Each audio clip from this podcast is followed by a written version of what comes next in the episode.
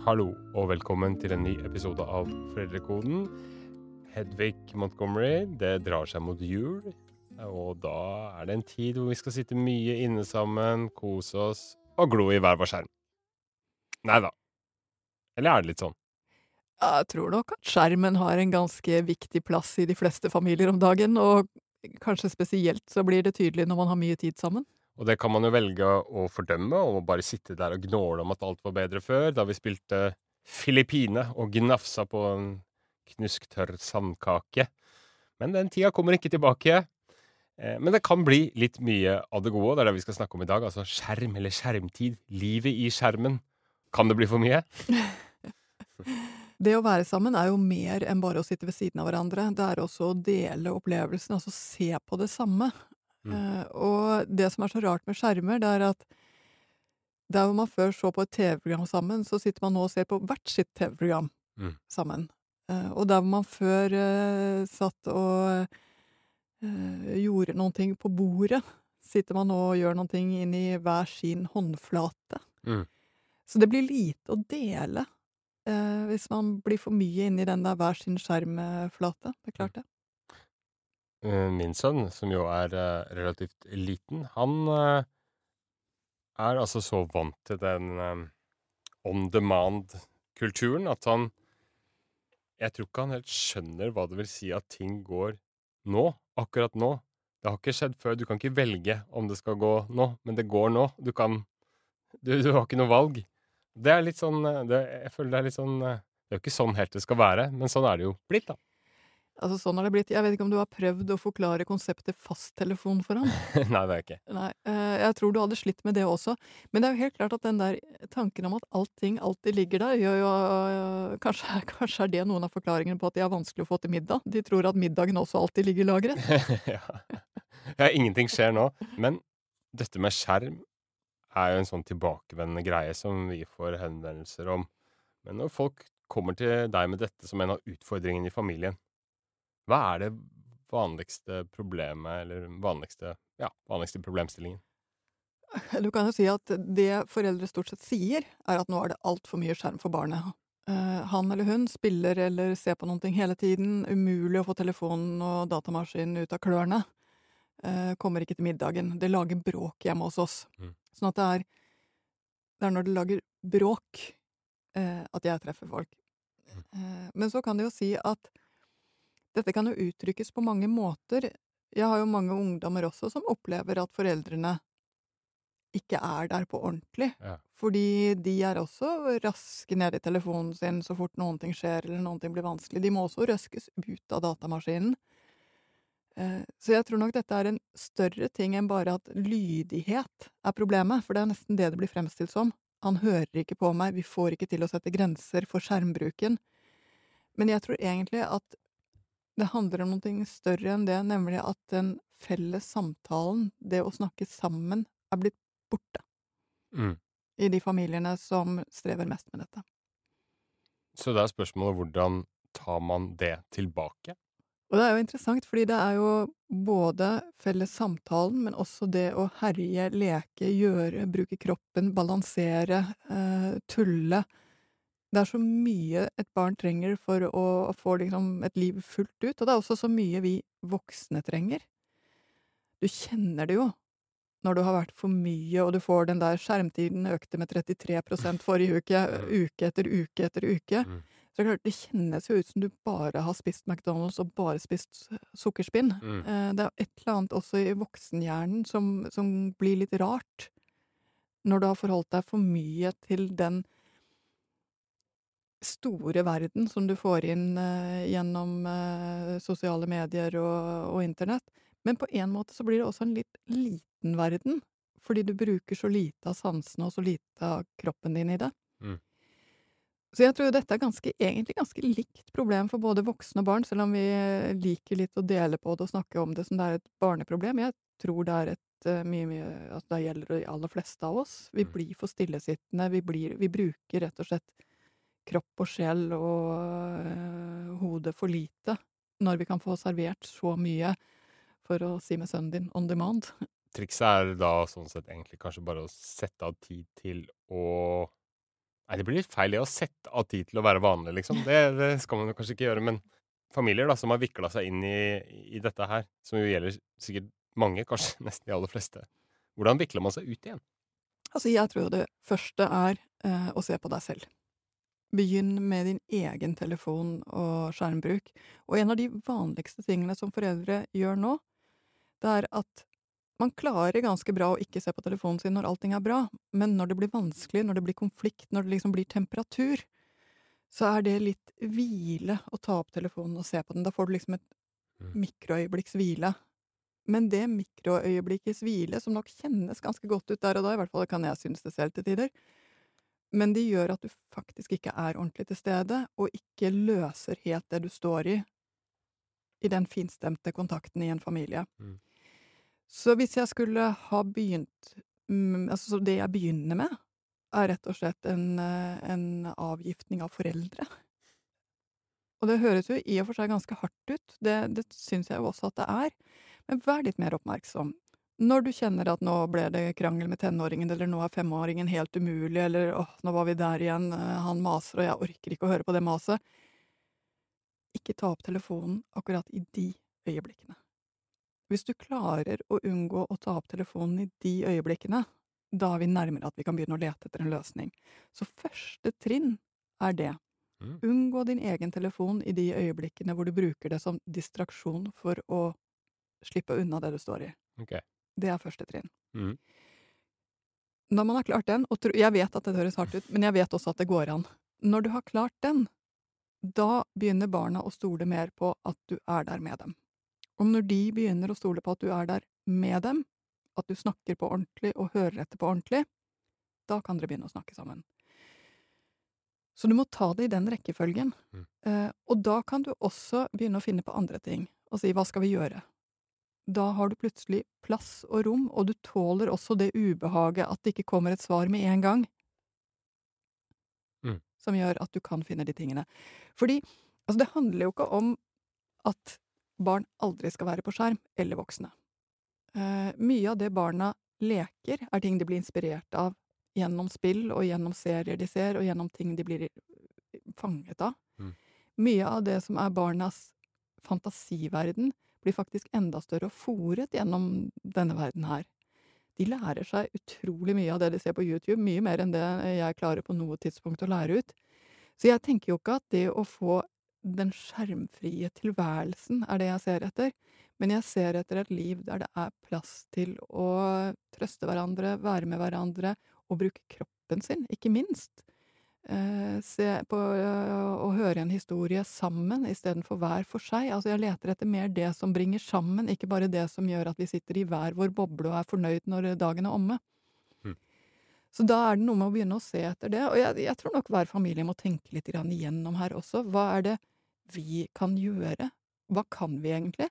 Og jeg kan ikke være den eneste familien som har tenkt at oi, kanskje ikke så himla god, jeg har ikke så mye sånn eh, fritidstøy, og jeg har kanskje ikke det som trengs for at vi skal komme oss ut på den måten jeg jo egentlig drømmer om.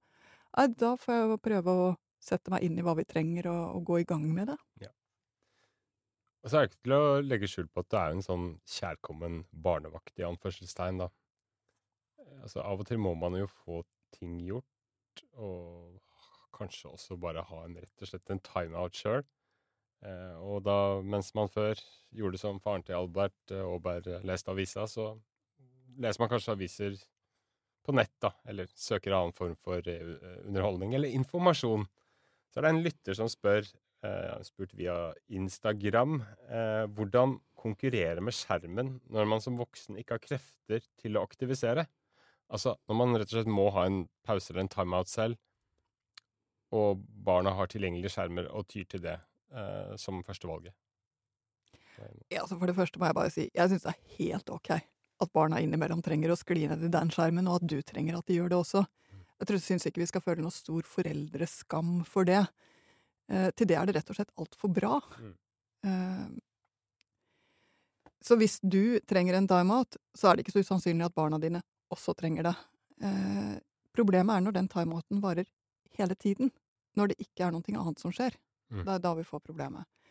Men at det å være hver for seg innimellom, det å se på det som interesserer deg mest innimellom, faktisk er en fantastisk gave. Jeg tenker ikke at det i seg selv er dumt. Tvert imot, kanskje. Mm. Kanskje gjør det at, at du får, får den der eh, timinutteren som gjør at du orker mer. Men du trenger også de andre tingene, sånn at når du får kreftene tilbake igjen etter at du har hatt din timeout altså Noe av det som er så annerledes, det var når pappaen til Albert leste avisen, så tok avisen slutt. Jeg vet om mange pappaer og mammaer som har jobbet hardt, men nettet er rett og slett Å komme til nettets ende tar mer enn en ettermiddag. Ja. Eh, og det betyr at du får ikke den der 'ok, men nå'. Du får ikke den avslutningen. Mm. Så sånn sett så stiller det mye, mye større krav til oss foreldre når vi går inn i vår timeout. Det er at vi må tilbake igjen. Mm. Vi kan ikke bli der. Ofte så er det sånn at man liksom er redd for at man skal gå glipp av ting, da. Enten at man skal gå glipp av en viktig beskjed som noen på jobben har sett. 'Oi, da fikk jeg en ny mail. Oi, der var det en eller annen alert. Oi, uh, jeg må bare sjekke, jeg må bare sjekke, jeg må bare sjekke.' Så blir man bare sittende. Eh, Men da må man kanskje bare gjøre det hvis, hvis man har problemer med det, så må man kanskje bare gjøre den utilgjengelig. Uh, flytte til et annet rom eller noe sånt, da. Altså, jeg har ikke sjans hvis jeg har telefonen ved siden av meg. Nei. Jeg må, og kanskje sier den noen ting eh, om, om meg, jeg vet ikke, Mm. men, men jeg er nødt til å legge den, og jeg legger den da inn, eh, bort til lading. Mm. Eh, sånn at jeg ikke ser den, for ser jeg den ikke, så er det lettere å holde seg unna, rett og slett. Men, men sånn sett så er det jo også interessant, altså hvor avhengighetsskapende det er å få den oppmerksomheten som det gir, å få den e-posten, få den SMS-en, få den Altså, det er jo en eller annen bekreftelse jeg fins for noen der ute øh, sender noen ting til meg. Eh, Så det, det, du har jo virkelig noen ting å slåss mot.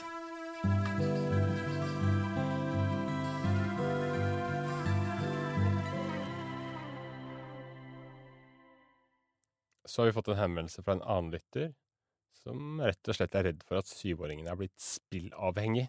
Når han avslutter en session eller en omgang på telefonen eller på, på spillet sitt, så blir han rett og slett misfornøyd. Syns ingenting er gøy lenger. Så når jeg forstår det, så går han nesten inn i en sånn øyeblikksdepresjon og kan bli så misfornøyd at han sier han vil bo i en annen familie. Og så skriver moren at han leker sjelden med andre ting og syns alt annet enn gaming er kjedelig. da. Så at det går utover hele familielivet, og foreldrene samarbeider dårlig rundt den tematikken også. Hvordan skal man gripe an dette her? Å, for en fin gutt, forresten, som øh, vil fortsette med det han liker. Det sier jo noen ting om en gutt som egentlig har en ganske stor utholdenhet, Mm. som jeg tenker er fint. Og da er spørsmålet hvor kunne han ellers ha brukt den? Um, syvåringer er ofte midt i en utviklingsbrang, så de blir slitne, og også så ligger det i syvåringens natur å, å bruke de største ordene. De, er ikke, de syns ikke ting er litt kjedelig, men de vil flytte hjemmefra. Uh, de elsker istedenfor å like. De, de bruker liksom de største følelsene og de største ordene. Så han ligger akkurat der han skal, for å begynne det. Ja. Ja. Det skal han ha. Eh, Og sannsynligvis så er han også sliten og, går i eh, andre klasse og er sliten på slutten av dagen, så, så han leter nok også etter noen ting å gjøre hvor han føler at han har hvile. Men det tror jeg det er noen ting å huske på her. Det ene er husk på at barna har et helt liv på skolen, akkurat som du har et helt liv på jobben. De har gjort massevis av andre ting i løpet av en dag. Vi må prøve å interessere oss i hvert fall litt for deres verden og det livet de lever, for da blir det litt meningsfylt å være hjemme også. Det andre det er at det sier noen ting om ham, hva slags spill han spiller, hva han liker å gjøre på nettet. Altså, Interesser deg litt for det, for da er det også lettere å se hva er det for noe han kan tenkes å finne glede i utenfor. Av eh, ting å lese sammen, av ting å se sammen, av ting å gå og undersøke nærmere sammen, og kanskje til og med ting å gjøre selv sammen. Så jeg hadde brukt den planken som det er, at han syns dette er så gøy, til å se hva slags informasjon får jeg om denne gutten, som jeg kan bruke videre.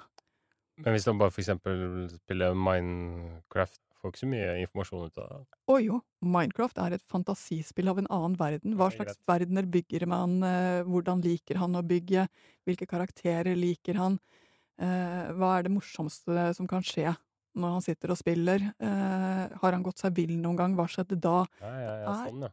Mhm. Det er masse i Minecraft som, som faktisk er Og jeg syns det er litt fascinerende, for jeg har prøvd å spille Minecraft selv og ble overrasket over at jeg nesten ble sjøsjuk av å gå i det der eh, avatarperspektivet. Ja. Eh, men det var utrolig mye som skjedde. Mye, mye mer enn det det så ut til når jeg satt og så på det. Så du får informasjon som du så kan bruke på en skogstur. Eh, finnes edderkopper der også. Uh, så se etter hva det er for noen ting som, uh, som er i hodet hans, og som han får ut i det spillet. Mm. Jeg tror jo den største fellen å gjøre, er å gjøre hans dataspilling til et moralsk spørsmål. Altså at det er ting litt betenkelig med ham, siden han er så glad i dataspill. Og så fort du har brukt den avhengighetstermen, så har du på mange måter gjort det. Du har gjort om til noen ting som er Karakterbrist, liksom. karakterbrist, kanskje til og med på grensen til en sykdom. Mm. Eh, det er ikke en sykdom for en syvåring å elske disse spillene. Det er bare at det er litt lite hvis du ikke får lekt det ut også, og hvis du ikke får gjort andre ting som også fòrer fantasien. Så jeg hadde trukket pusten og sagt fin gutt som eh, åpenbart klarer å gå inn i ting på ordentlig, se hva det er mer dere kan finne ut av som han også kan tenkes å gå inn i. Så har du vært inne på det tidligere at eh, barna er eh, utstyrt litt ulikt i forhold til hvor bra sånne ting treffer. Mm. Eh, og hva ligger i det? Ja, altså For noen barn så er dette å få den belønningen som du ofte får i disse spillene, med eh, flere ting, flere stjerner, flere eh, Weebucks, eller hva det nå kan være for noen ting. De er veldig drevet av den der klappen på skulderen, eh, og da er det vanskelig å legge det fra seg. Du ser hele tiden etter neste klapp på skulderen. Da ser du i hvert fall at du er et barn som trenger det her, mye her ute også. Eh, så sånn sett så gir det jo litt informasjon. Eh, og noen barn blir så inne i fantasiverdenen at det nesten blir for mye for dem, og de sier selv 'jeg kan ikke spille det, for da får jeg bare drømmer jeg rare drømmer'. Altså, de går så veldig inn i det. Eh, mens andre barn passer det helt perfekt for der de er, at de bare elsker denne verden og blir så drevet av de eh, klappene på skuldrene for å komme seg videre, at de rett og slett ikke klarer det. Så i en familie så kan det godt være en som bare er, blir helt absorbert av ethvert spill, som, som blir drevet videre fra nivå til nivå, mens det er ett barn som liksom føler seg ferdig med det, Mm. og går for å gjøre noe annet.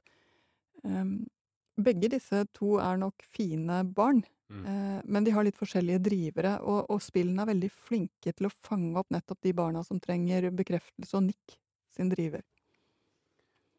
Noe av dette ligger kanskje rundt kommunikasjonen eh, rundt det òg, uten å teoretisere for mye, men at man tenker at ok, nå har han sittet for lenge og spilt, og så blir det en sånn Nei, nå må du komme deg ut av det elendige spillet, eller sånn, Mm. da. Istedenfor å angripe det på en annen måte, kanskje. Ja, og faktisk så er det bedre å si 'Åh, nå har du fått spilt i hele dag, så fint'. Eh, I morgen uh, Jeg vet ikke hva du har tenkt, men jeg har tenkt at da kan vi dra til. Altså Mm. uh, Du har nesten bedre ved å legge planene for i morgen, og da som noe fint, enn å trekke ned eller tråkke på det som barnet liker og syns har vært skikkelig gøy i dag. Fordi det som skjer når du kommer der og sier 'Å, nå har du sittet altfor lenge, jeg orker ikke at du sitter så lenge', eh, det ødelegger stemningen i hele huset, så snakker du kanskje til en som har hatt det kjempefint. Mm. Og så legger du en slags et, et litt uh, klebrig teppe over noe som egentlig har vært en, en fin ettermiddag. Tenk på en ting. Tror du den potensielle kløfta som finnes mellom foreldregenerasjonen og barna, blir mindre om noen år, når de som er digitalt innfødte, eller digital natives, blir foreldre? Noen av de har sikkert blitt det allerede, men at man da har en større forståelse for hvordan ting henger sammen, og hvordan dette her virker inn på, på livet og tilværelsen og lykkefølelsen. Altså, jeg ser jo ofte at jeg har glede av de fedrene som har likt å spille selv. Mm. At, eh, at, jeg, at det er lett å få dem med på å skjønne hva barnet egentlig står i, og også få dem til å se at et helt liv som blir litt smått, for selv har han jo faktisk klart å komme seg ut i den virkelige verden og finne seg noen. Mm. Uh, så om Altså, ja, på mitt mest optimistiske så tenker jeg jo det. At denne forståelsen for hva det er for noe, altså i forhold til min generasjon som så vidt fikk med oss Pacman. Mm. Eh, det gikk vi jo ganske fort lei, Mm. når sånt skal sies. Det er klart at, at de som virkelig har opplevd disse spillene fullt ut, har en bedre forståelse. Men når det er sagt, altså det virker som hver generasjon får noe nytt å misforstå i neste generasjon. Så jeg er jo ikke større optimist enn at jeg tenker at eh, enhver generasjon får noe nytt å løse. Det blir det nok for neste foreldregenerasjon også. Ja, og da har du jo fortsatt en jobb å gjøre, så det er jo eh, sånn sett fint for deg òg. Jeg må vel si at eh, den problemfrie menneskelige tilværelsen har aldri vært beskrevet. Eh, Nei. så jeg er sånn sett ikke spesielt bekymret for akkurat det. Men jeg ser jo også at problemene man står i, er ganske like. Eh, klagene over neste generasjon er ganske like, men i litt forskjellig innpakning. Ønsket om at foreldre skal få respekt, er beskrevet allerede tilbake i Moses' tid. Så det er jo ikke akkurat noe sånn kjempenytt i det vi sitter og snakker om nå, selv om jeg jo tenker at dataspill og sosiale medier har gjort det at skruen har blitt skrudd lite grann til. Eh, og én ting er dataspill, en annen ting er også at barna sitter og har store deler av sitt sosiale liv på nettet. Eh, de kommer hjem fra skolen, og så blir de værende hjemme. De går jo ikke ut og treffer hverandre. Mm. Eh, fordi de kan chatte, fordi de kan eh, sitte og dele morsomheter eh, på Snap istedenfor å ja, treffes og gjøre det samme. Mm. Jeg tror det er- ganske mange foreldre også nå som nesten får litt kløe av at barna aldri går ut. Mm. Aldri, al- liksom ikke ser ut til å få et liv der ute. Og litt relatert til det, så er jo også sånn at gitt det at um, mye av livene nå skjer digitalt, i spillverden, sosiale medier, så vil man jo ikke helt at ens egne barn skal bli hengende etter det heller. Så da er det fort gjort at man liksom tilbyr disse mulighetene som finnes, da. Eh, og sikkert også litt egoistisk drevet, slik at man får litt fred sjæl. Jeg vet ikke. Og må jeg si at jeg har vel vært inne i altfor mange saker hvor foreldrene har prøvd å holde unna, Ja. bare for å oppdage at det har skjedd i smug i årevis med sin tolvåring. Eh, de, de kom, altså er det viktig for dem, så får de det til. Det tror jeg bare er å se. Men jeg tror allikevel at vi skal vise barna noe med, med verdien av ansikt til ansikt. Og en av de tingene det betyr, er faktisk at du skal prøve å opprettholde det selv. Og det er litt rart, for nå har vi vært igjennom en tid hvor vi har invitert folk i liten grad hjem til oss selv. Mm. Eh, men det trenger barn å se. At vi inviterer venner, at vi har middagsselskaper, at vi eh, går ut og treffer venner. Altså, vi må jo vise litt av denne verdien selv. Men jeg merker jo selv også at jeg av og til tenker at jeg får inntrykk nok Ja. gjennom Insta. Gå mer ut, få folk mer inn. Er det sånn å forstå? Ja, eh, for jeg tror at når barna ser den gleden som ekte latter og ekte mennesker er, så får de også en lyst til å ha det selv. Men da skulle vel nettopp jula være ganske perfekte rammer for å ordne opp i det der, da? Jula er en fantastisk fin tid, eh, og det er mange grunner til at man kan gjøre julen så fin nettopp på dette feltet her. Det å se noe sammen, det å høre noe musikk sammen, det å synge sammen, det å holde seg Gå litt utenfor komfortsonen. Og her du, kan jo du si men jeg har ikke noe særlig til sangstemme, og da skal jeg si deg nettopp det som du skal by på sammen med barna dine. Det går an å synge allikevel, og det går an å lete etter den sangstemmen som du nesten har glemt selv. Jeg tror at hvis både Hvis vi kan gå ut av den der komfortsonen og gjøre noe som er mer fysisk, mer sanselig, Mm. så er det lettere å få barna med på det også. Vær litt vill og gal. Det må være moralen i denne episoden. Minner om at alle Foreldrekodens episoder over hundretallet er tilgjengelige i Podme eller via Aftenpostens app. Ha det bra. Jeg vet ikke om jeg kommer hjem i live eller i kiste fra utlandet. Jeg vet jeg er i en sånn situasjon. Det er den realiteten jeg står overfor. Hun fikk en dødelig diagnose, men nekta å gi opp. I et halvt år har vi fulgt kreftsjuke Shabana Rehman gjennom nedturer og triumfer. Nå tenker jeg at vet du hva, jeg har lyst til å leve. Men hvor kom denne kampgløden fra? Det ble alkohol. Han hadde sine utbrudd. Hvis du var ung minoritetskvinne og gikk ute Sent så kunne du bli stoppet opp og spurt hva gjør du ute så sent, hvor er foreldrene dine? Det provoserte meg jo vanvittig. Så hjertet mitt ble knust utallige ganger. Så greip hun mikrofonen. Men hun så ut som sånn der eh, Pippi Langstrømpe på syre-type. Hun hadde veldig merkelig sminke og sånne musefletter som sto rett ut. Da jeg så standup, så tenkte jeg wow, så kult. Du kan gå rett fra gata, opp på scenen, og gripe mikrofonen. Og det er ett krav. Få folk til å le. Da trenger jeg deg her, mulla Krekar. Jeg smiler, han smiler, tolken smiler. Jeg tar rundt han. og løftet ham under rumpa. Han smilte på vei opp. Han sprelte med beina. Jeg glemmer det aldri. Jeg er ikke enig. Hun ber meg komme opp på scenen, eh, og det gjør jeg jo. Jeg er jo lydig. Men jeg visste jo ikke hva som skulle møte meg der. Og det hun gjør da, det er at hun kysser meg. I 25 år har hun prega samfunnsdebatten. Det har kosta. Det føltes ut som et ordentlig drapsforsøk, ikke sant? Er det krigserklæring, liksom? Jeg hadde fått nok. Shabanas verden. En dokumentarserie i seks episoder om Shabana Rehman fra Aftenposten. Hør den hos Podme eller i Aftenposten-appen.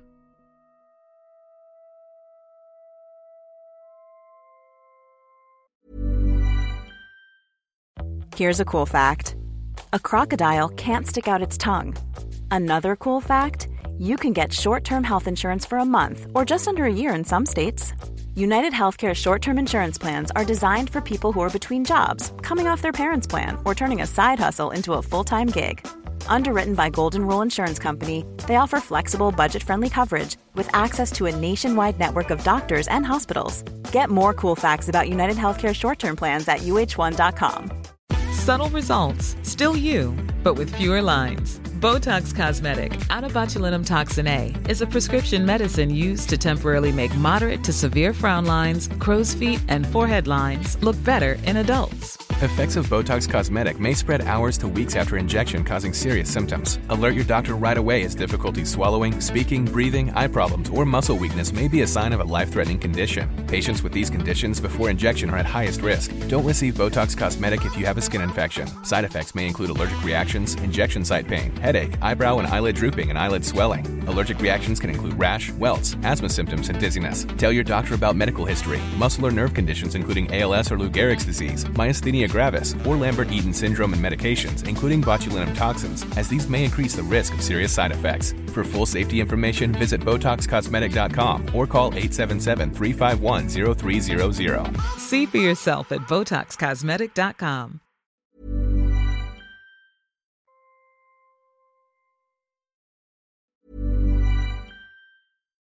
Botox Cosmetic, out of botulinum toxin A, FDA approved for over 20 years. So, talk to your specialist to see if Botox Cosmetic is right for you. For full prescribing information, including boxed warning, visit BotoxCosmetic.com or call 877-351-0300. Remember to ask for Botox Cosmetic by name. To see for yourself and learn more, visit BotoxCosmetic.com. That's BotoxCosmetic.com.